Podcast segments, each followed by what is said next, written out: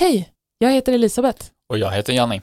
Vi var kristna i 15 år, men känner oss nu rätt färdiga med det.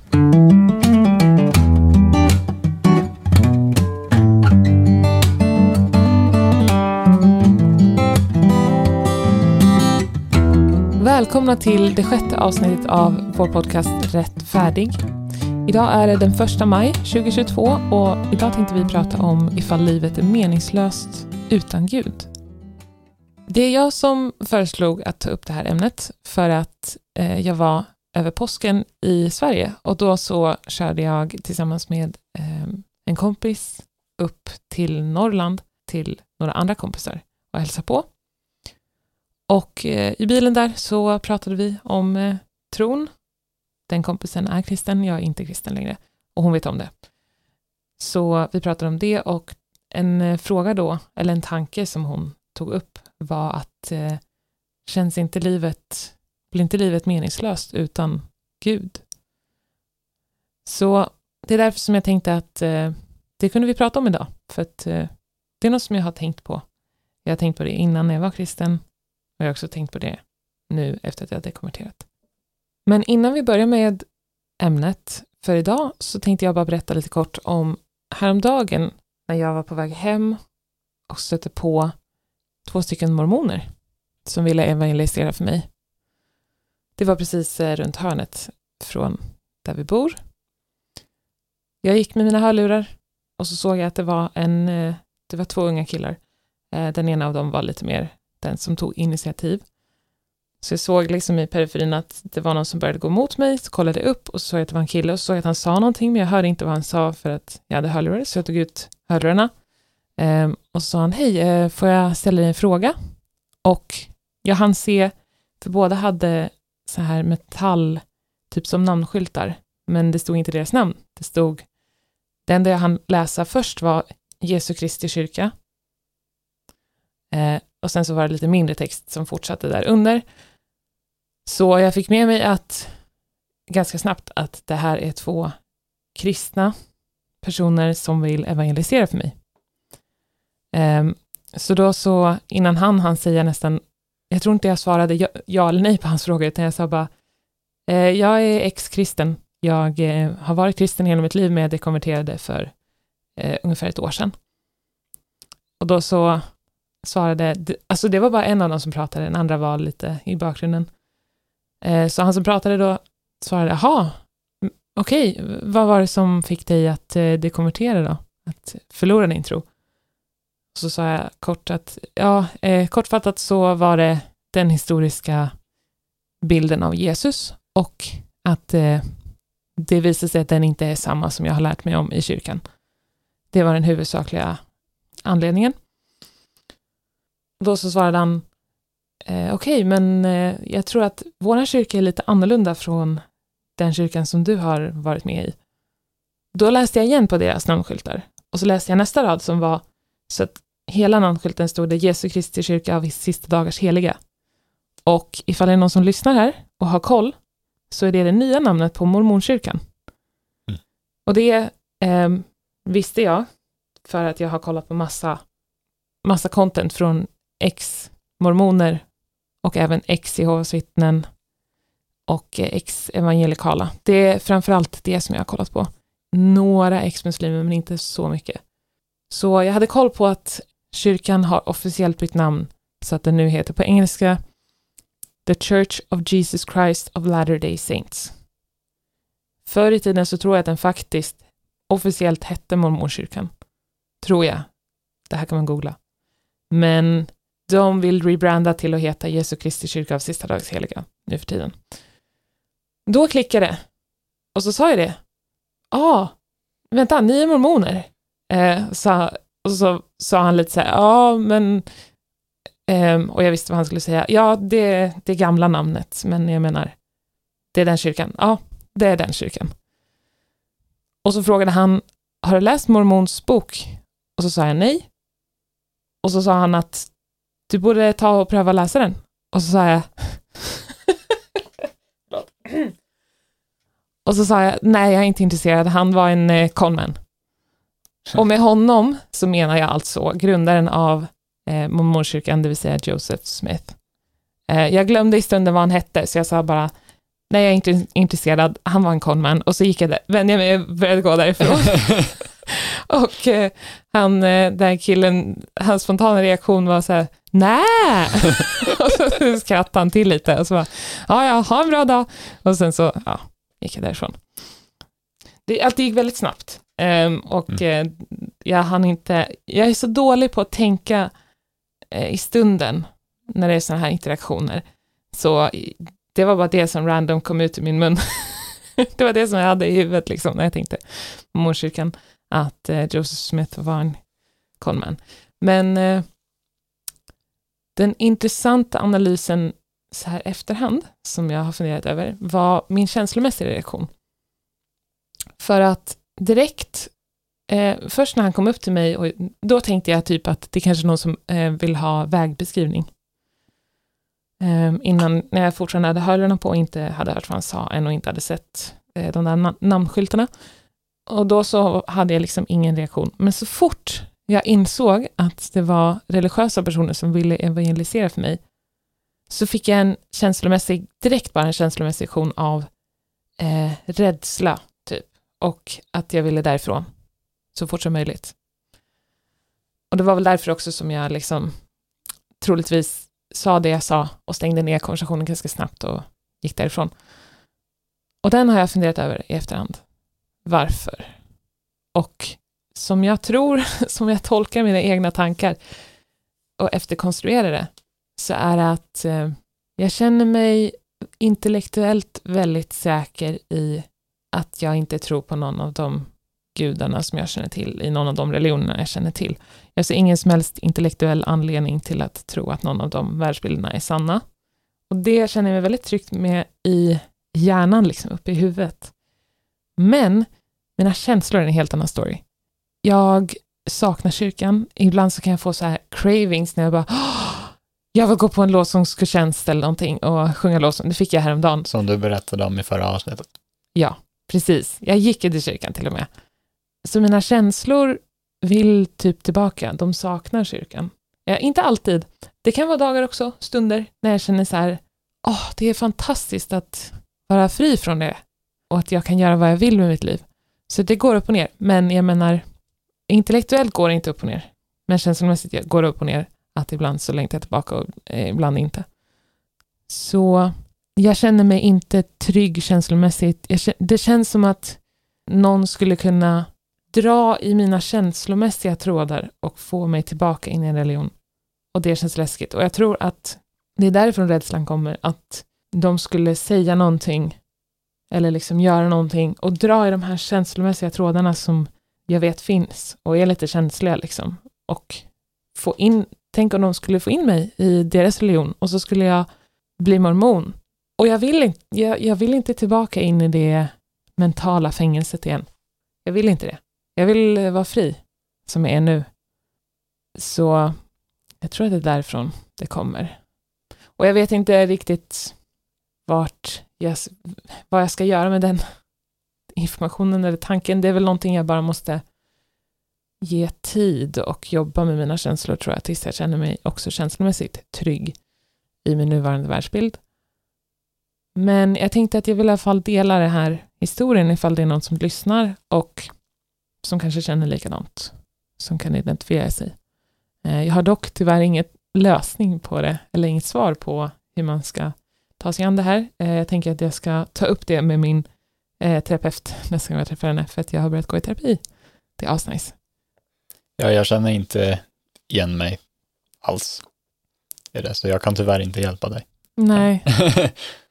Nej, för du har väl inte riktigt den här känslomässiga saknaden? Eller de här, du känner inte igen dig i det som jag gör? Nej, för att som jag berättade i första avsnittet tror jag, så jag blev ju känslomässigt trött på kyrkan innan jag blev av med min tro. Mm. Så. Ingen, aldrig någonsin någonting som du känner så här, åh, oh, det här saknar jag med kyrkan? Nej. Huh.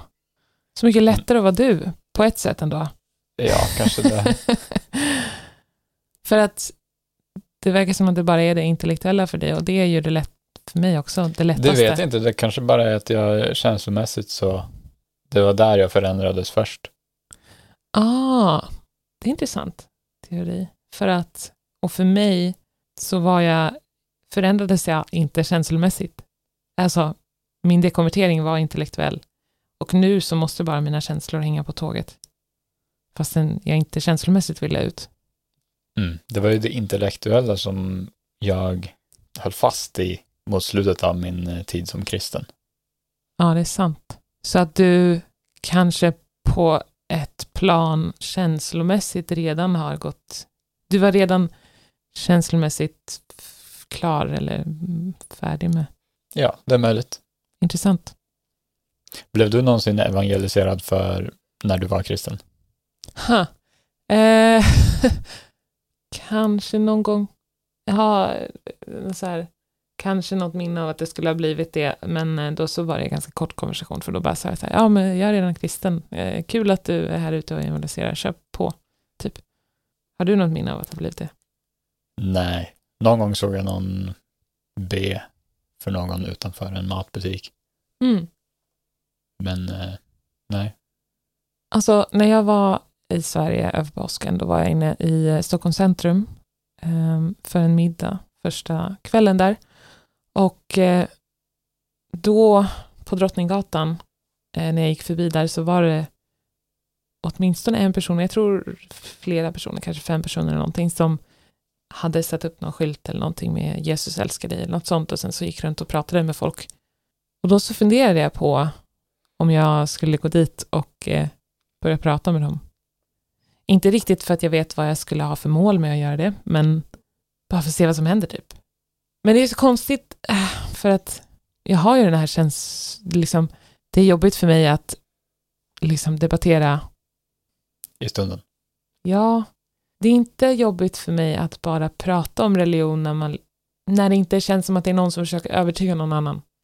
Men det blir jobbigt och jag får den här äh, känslan som jag hade med de två mormonerna, att jag liksom vill därifrån, eller jag, det känns jobbigt när det är någon som jag känner som vill försöka övertyga mig om någonting. Vilket det är med evangelisering. Vilket jag skulle säkert känna om jag började gå upp till någon och prata med dem.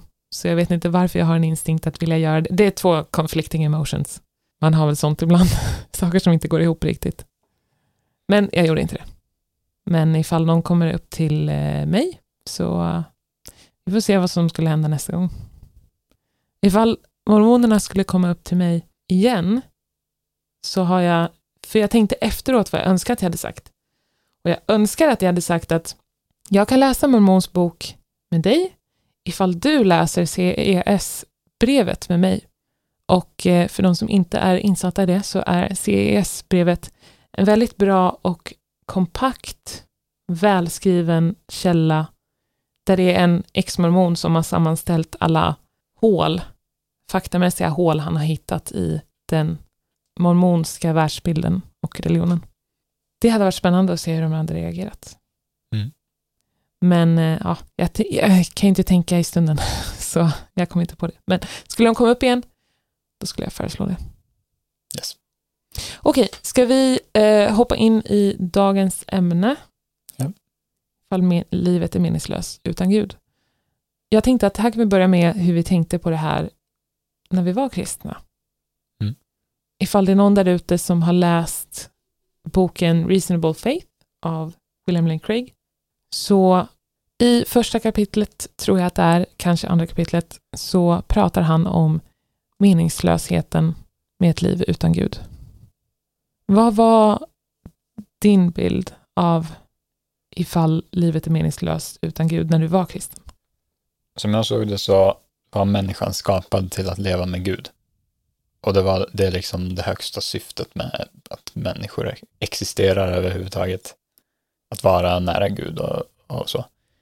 Så då är ju Gud den högsta meningen med livet, den ultimata meningen med livet för alla människor. Så det var det jag trodde om, om det. Men det måste ju då betyda att utan Gud så har livet ingen mening. Tänker du nu alltså världsbilden Gud finns, men människor som inte lever tillsammans med Gud eh, lever inte liksom i det fulla livet som vi menade att leva. Ja. Allt utöver det är egentligen meningslöst. Mm. För att det är det vi är skapade till att helt enkelt eh, vara tillsammans med Gud. Ja. Okej, men om du då när du var kristen istället tänkte dig hur skulle det vara ifall det är så att Gud inte existerar? Är allting meningslöst ifall på den världsbilden? Att Gud inte Ja, jag trodde att eh, det skulle innebära att allt är meningslöst, eh, det finns ingen objektiv moral, någon typ av nihilism helt enkelt. Mm. Och eh, jag tror kanske fortfarande att det är sant på ett sätt. Mm. Jag tänkte väl också så att om det inte finns någon högre makt som har skapat oss och vi bara är här i princip av en slump, om nu vi lever i ett deterministiskt universum, så vet jag inte riktigt om man kan tänka på det som att det är en slump, för att det som hände var tvunget att hända. Men. Men om vi bara finns här utan en skapare, utan någon som har liksom en intention med att vi finns, så tänkte jag också att ja, men då, då, finns det, då blir allt meningslöst. Och då blir det ju bara nihilism kvar. Om man inte tror på Gud. Om Gud inte finns. Och samma med moral också. Att då kan det inte finnas någon objektiv moral. Om inte Gud finns. Så tänkte jag som kristen. Men nu då? Nu när vi inte längre är kristna, inte är troende på någon eh, religion, så är frågan, har vi blivit nihilister och deprimerade och allt är bara meningslöst? Det jag kom fram till eh, när jag funderade på det här nu var att det är nog möjligt att vara teist och nihilist samtidigt. Alltså lite på samma sätt som, som att eh, om man frågar sig var, varför existerar universum har Gud har skapat det och så ställer man frågan vem skapade Gud? Mm. Att lite på samma sätt så är Gud ett sätt att flytta problemet ett steg bort. För att säga att eh, Gud finns eh, och har skapat människan med liksom avsikten att människan ska leva med Gud. Men, och, och det, är människ- det är meningen då med människans existens. Men vad är meningen med att Gud ska få sin vilja igenom? Mm. Ja, och det är också, för jag har också tänkt i de här banorna, att det är också arbiträrt, det också att vi ska leva för att umgås med Gud. Det är Gud som har hittat på det. Varför måste det vara så? Liksom, är inte det också lite en mening med livet som är tagen ur luften bara? Varför är det så meningsfullt bara för att det är Gud som säger att det här är meningen med ditt liv? Vilket Det är väl- för dig? Ja, lite grann tror jag. Okej, om jag kan kanske omformulera det. Vad är det som gör att Guds mening med mitt liv är mer meningsfull, liksom objektivt, väger tyngre i termer av meningsfullhet än ifall jag själv skulle hitta på en mening med mitt liv? En av premisserna här är ju att Gud har skapat människan. Ja, nu jämför jag ifall Gud finns och det är eh, Gud som bestämmer meningen för våra liv versus Gud finns inte. Då är det bara vi som kan bestämma meningen för våra liv. Vad är det som ger mer tyngd till meningsfullheten på den ena världsbilden där Gud finns? Det är väl lite samma sak som det där med att vad, vad är meningen med att Gud får sin vilja igenom? Precis, jag tror att det är egentligen samma eh, kärna som vi tänker på. Eh, vi bara kommer åt det från olika vinklar. Men eh, ja, det är ju det. Varför är Guds mening meningsfullare än någon annan mening som man skulle kunna skapa på en, eh, i en världsbild där han inte existerar? Det skulle väl vara för att det är ett, steg högre upp på något sätt. I rangordningen. Ja, Mm, men men, vem är det som säger att ett steg högre upp är bättre? ja, eller vem är det som säger att det inte finns ett ännu högre steg? Eh, Så, så det är väl det som är problemet. Ja, det är det jag har tänkt nu. Jag tror inte att jag tänkte någonsin det här som kristen.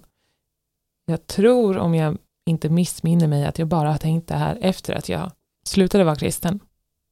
Att Guds mening för våra liv inte är så plötsligt långt ifrån att skapa en egen mening för sitt liv. För min eh, bild, världsbild nu. Eh, jag, just nu har jag ingen anledning till att tro på någon specifik högre makt. Jag tror på någon specifik religion som jag känner till. Det kan finnas någon högre makt där ute fortfarande. Jag vet inte det. Men om det inte gör det, vilket eh, det kanske inte gör, så då finns det ju inte någon extern mening med våra liv. Mm. Men jag vet inte om det är ett problem, faktiskt. För att jag kan bestämma mig för en egen mening med mitt liv. Och meningen kan komma inifrån mig. Och jag ser inte varför det är mindre legitimt än att få en mening utifrån. Vad tänker du? Jag tror det är viktigt att uppleva att man har en mening med sitt liv. Mm, det är lite på ett annat plan. Det jag tänker på nu är liksom metafysiskt, ifall det finns en mening eller vems, vem det är som liksom imposar meningen på mitt liv. Och jag ser ingen metafysisk, filosofisk anledning till att en extern mening skulle väga tyngre än en intern mening i mitt liv. Men känslomässigt så tror jag att du absolut har rätt. Att man behöver känna att man har en mening med sitt liv. Mm. Psykologiskt, för att må bra liksom. Var det det du menade? Ja. Det tror jag verkligen.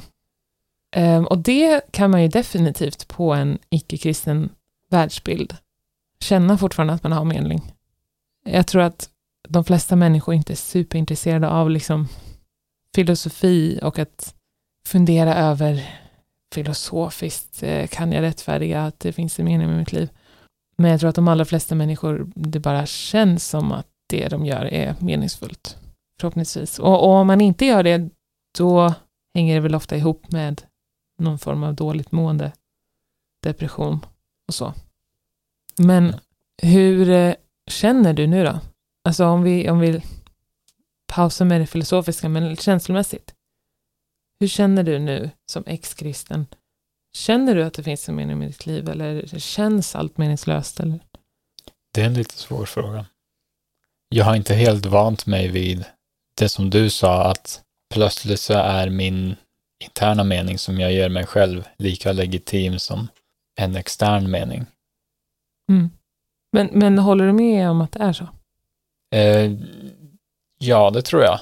Jag har inte helt vant mig vid det, men jag upplever att jag har en intern mening med Mhm. mitt liv. Vad är den eh, meningen, tänker du? Jag vet inte om jag helt har landat i en eh, absolut definition, Mm. men just nu vill jag väl bara leva ett bra liv själv och möjligtvis eh, hjälpa andra att göra detsamma på något sätt. Mm. Så när Då- du går runt i din vardag så känns livet känns inte meningslöst liksom. När du går runt och går till jobbet och sånt. Nej, jag är glad. Det är bra. Ja, men du är så känslomässigt stabil så. jag känner också känslomässigt att det känns meningsfullt att leva. Just nu så tänker jag helt enkelt att jag är här. Jag får det fantastiska privilegiet att få existera en stund. Om universum är deterministiskt så fanns det ingen chans att det inte skulle existera. Men om det inte är det och det finns en slumpvariabel i universum så är det ju sån otroligt extremt liten chans att just jag skulle få finnas just nu. Hela evolutionskedjan liksom upp till mig. Att det blev jag, att det blev nu, att det blev här. Vilket gör så att livet är ju en otrolig gåva. Och Gåva från vem? det är sant. När man säger gåva så är det ju från någon. Ehm, från ingen. Från slumpen. Och eh, ja, det jag tänker är att det finns ingen extern mening med mitt liv eller liksom något jag är här för att utföra eller så. Vilket betyder att jag bara har fått ett gratis liv och jag kan bara göra det bästa jag kan av det. För att själv vara lycklig, för att göra andra lyckliga. Och jag har fått den här chansen till att göra det bästa av den som jag kan göra. Jag är fri till att få leva mitt bästa liv. Eh, och att eftersom att det inte finns någon extern mening så kan jag bara leva livet så bra som jag kan utifrån min förmåga. Det finns ju också de som har väldigt mycket sämre liv, som inte Mm. har möjligheten att, att ja, leva sitt bästa liv, Mm. som är fast på olika sätt i sin, sina omständigheter. Och det finns väldigt mycket lidande i världen.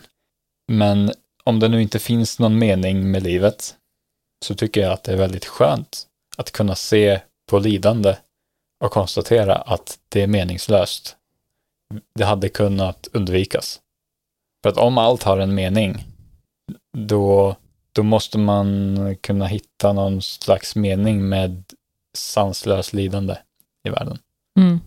Och det blir lite påfrestande till slut. Eller det blir, Är det att det känns jobbigt att tänka att, ja, om vi nu tar en kristen världsbild, att Gud liksom har en tanke med att folk lider? Att det är lite intentional liksom. ja, det, det blir ju väldigt mycket tankearbete att försöka förstå vad som är meningen med Mm, allt det här lidandet. Verkligen.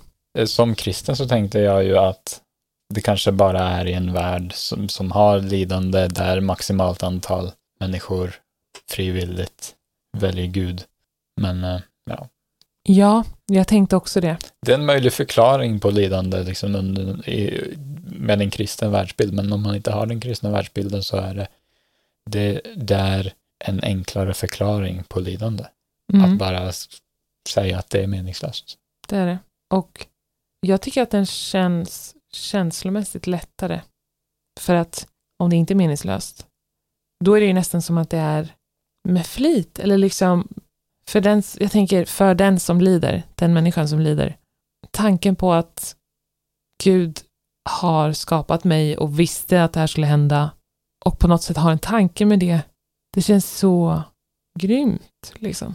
Så elakt. Medans om det inte finns någon mening så är inte det samma känslomässiga tyngd av att det är någon som är eller orsakar lidande.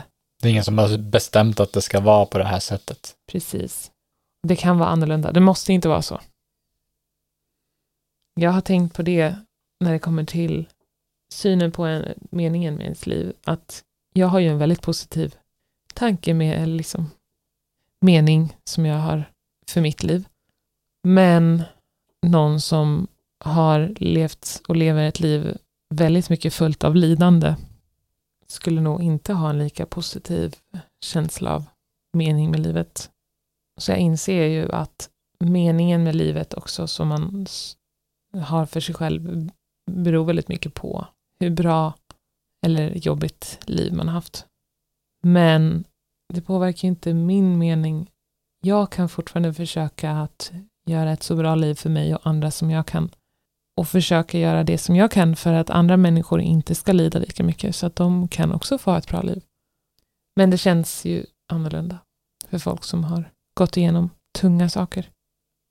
Ja, någonstans så har väl folk i grunden samma mening med livet.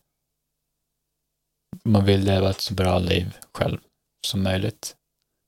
För en person kanske det manifesterar sig i att de bara försöker överleva. Någon annan har inga problem med att överleva. De har allt de behöver själv och då hittar de andra saker att sträva efter för att göra sitt liv ännu bättre och till och med hjälpa andra. Och eh, en sån mening med livet som på något sätt finns inneboende i alla människor känns ju rimlig ur ett evolutionärt perspektiv också. En eh, vilja att leva helt enkelt Mm. och leva så, leva ett så bra liv som möjligt. Ja, det är rimligt. Att evolutionen har fått fram det som ett personlighetsdrag hos oss människor. Det, är konstigt alltså, för att jag trodde som kristen att om jag någonsin blir ateist så kommer jag känna känslomässigt att livet känns meningslöst. För att intellektuellt sett så betyder det att jag inte har någon extern mening med mitt liv längre.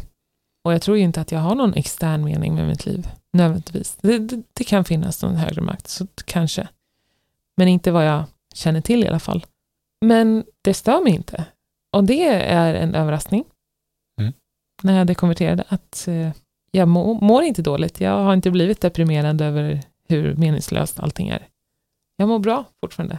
Och eh, det känns tvärtom Jag vet inte om jag skulle säga att livet känns mer meningsfullt nu, men det känns meningsfullt på ett annat sätt. Det är också det här med att nu är livet mitt eget ansvar. Och om vi vill göra världen till en bättre plats, då är det vårt ansvar. För att det är bara vi som det står på. Det finns ingen annan där ute som kommer fixa det. Och det är vi som definierar vad bättre är för något. Mm, det är det. Vi kan, vi som i mänskligheten, ha möjligheten att skapa den värld som vi vill ha. Och det ger ju en tyngd till mitt liv som inte riktigt fanns där när Gud har koll på allting. Nu är det liksom, jag är viktig för att det är ingen annan som kan göra det här. Det är jag och alla andra människor. Men med en kristen världsbild så är ju det höjden av högmod. Mm. Att, att vi skapar den värld vi vill leva i. Det, det är Ja. Guds jobb att skapa världen. Ja, precis. Och då ska man ju sträva efter att försöka få till den värld och det liv som Gud vill ha för en. Problemet där är ju att det är ju ganska svårt att veta vad Gud vill, att höra Guds röst. Att det tyckte jag alltid var svårt som kristen när det var prat om att be och sen lyssna på vad Gud säger om det här som man ber om. Jag har alltid svårt med rent konkret, liksom, exakt vad innebär det? Hur, hur, för att som kristen så finns det ju, det kan vara att man hör Gud, det kan vara att man hör djävulen eller det kan vara ens egna tankar. Det är liksom tre möjligheter ifall man eh, ber och försöker att inom situationstecken lyssna till Gud och så poppar någon tanke upp eller någon känsla eller så. Hur vet jag om det är Gud, om det är djävulen eller om det är mina egna tankar? Hur? Hur i all världen? Eller okej, som kristen skulle man väl säga att gå till Bibeln och kolla. Jämför tanken med vad som står i Bibeln. Men det finns ju så väldigt, det är en väldigt lång bok, Bibeln, och det finns väldigt många olika bibelord som kan användas för olika saker, att stötta olika åsikter. Så det är faktiskt väldigt befriande. Nu som ateist så tankarna och känslorna jag får, det, det är bara mina egna tankar.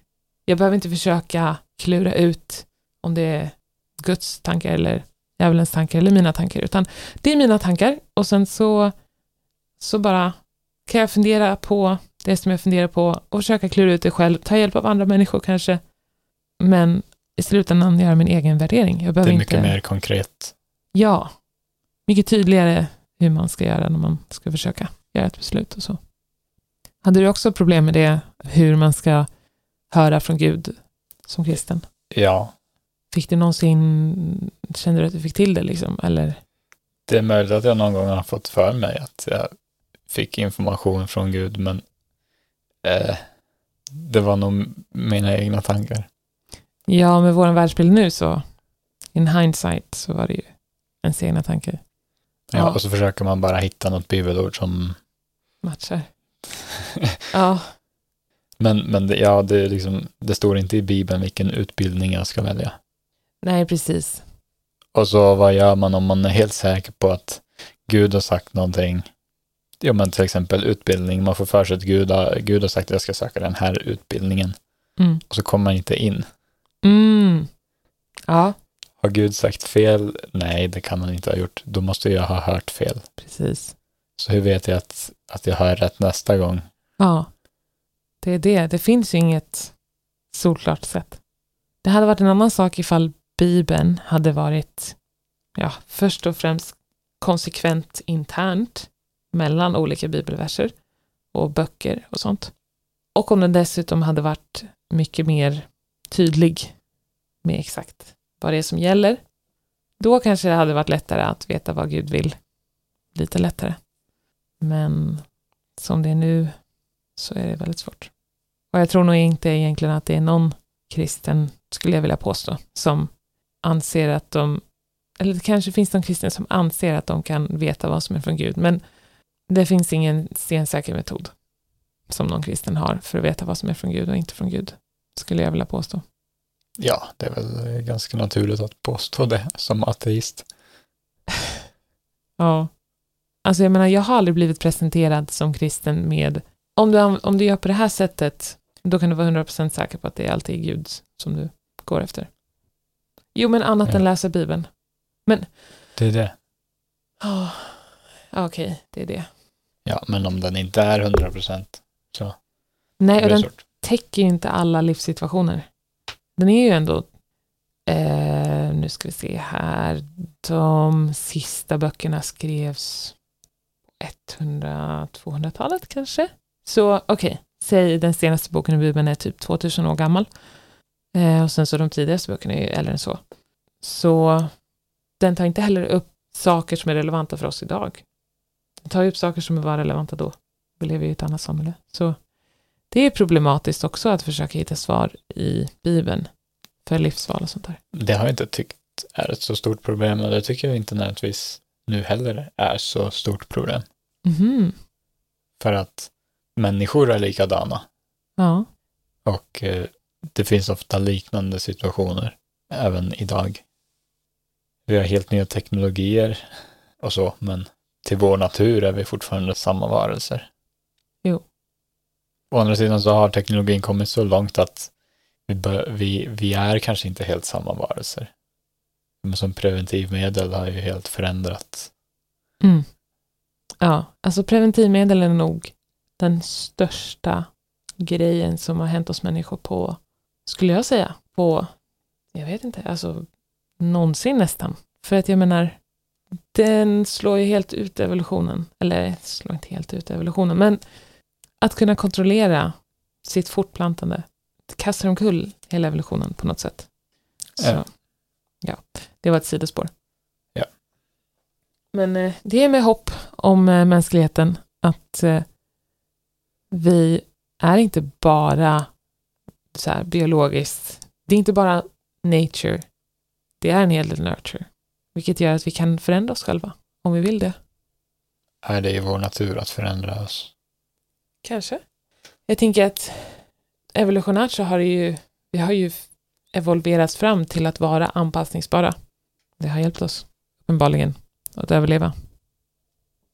Jag tror att det som är min huvudpoäng med det här avsnittet, som jag skulle vilja förmedla primärt, det är att om det är någon där ute som håller på och går igenom en dekonverteringsprocess och tänker på det här, att livet är meningslöst utan Gud, så vill jag bara ge en, en trygghet i att det är inte säkert att livet kommer kännas meningslöst efter att du har konverterat.